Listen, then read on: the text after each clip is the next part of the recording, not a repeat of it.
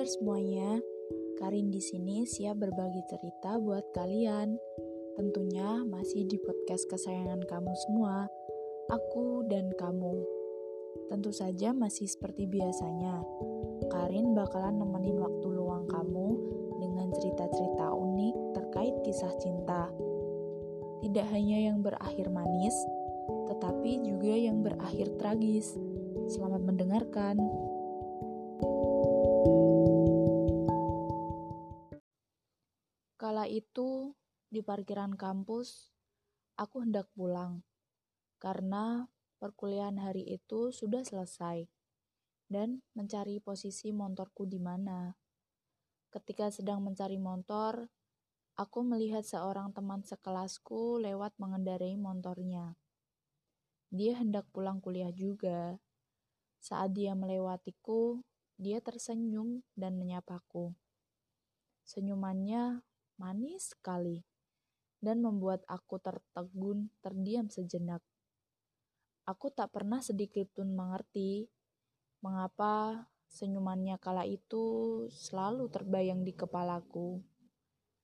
Tiap berpas-pasan dengannya, dia selalu memasang wajah yang manis dengan tersenyum. Dia memang sosok yang ramah, tetapi Entah kenapa aku selalu terbayang dengan senyumannya yang telah memikat hatiku. Aku dan dia adalah teman satu kelas, tetapi selama perkuliahan berlangsung, kita tak pernah saling berbincang. Saat di kelas, duduk kami pun berjauhan.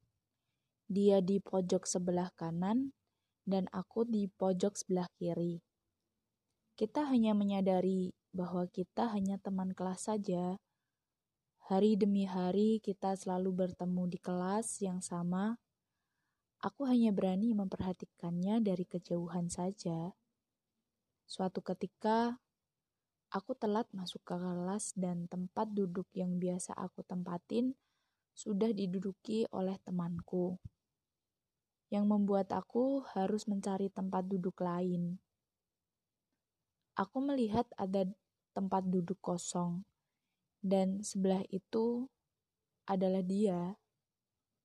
Dengan hati yang sangat berdebar, aku berjalan menuju tempat duduk itu.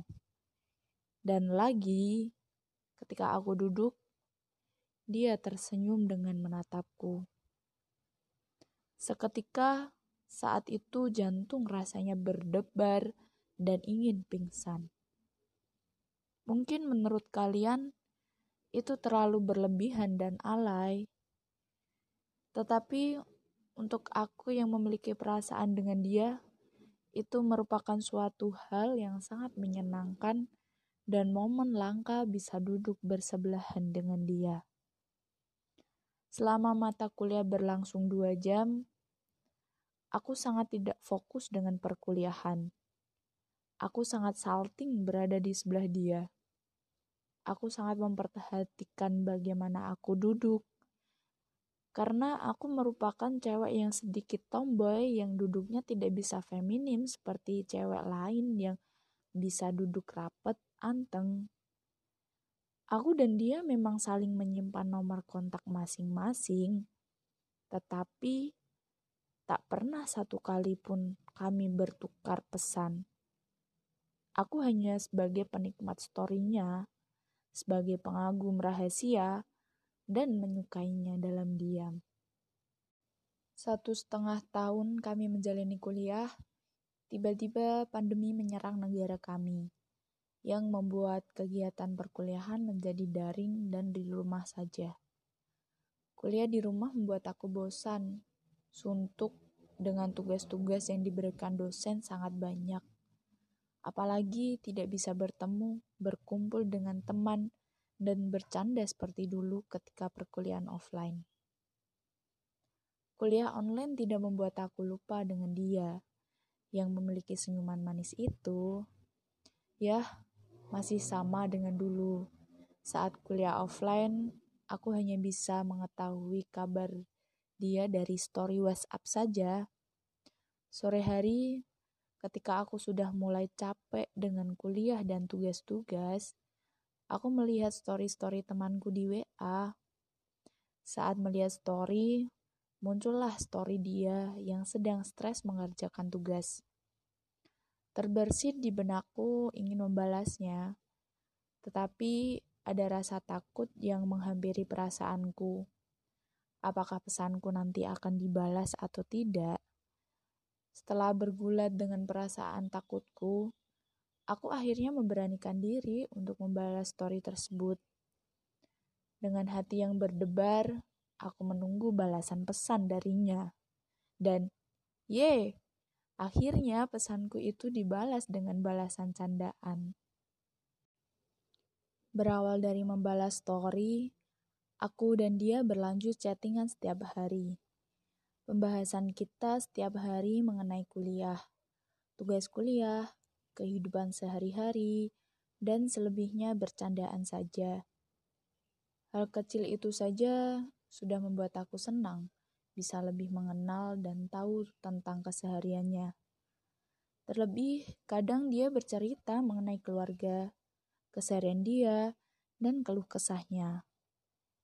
Komunikasi aku dan dia cukup intens karena setiap hari aku dan dia selalu bertukar kabar Hal tersebut berlangsung selama satu tahun lebih dan sampai sekarang. Tak ada satu hari pun terlewat tanpa ada kabar dari dia dan bertukar pesan dengannya. Jujur, aku memiliki perasaan dengan dia dan berharap lebih.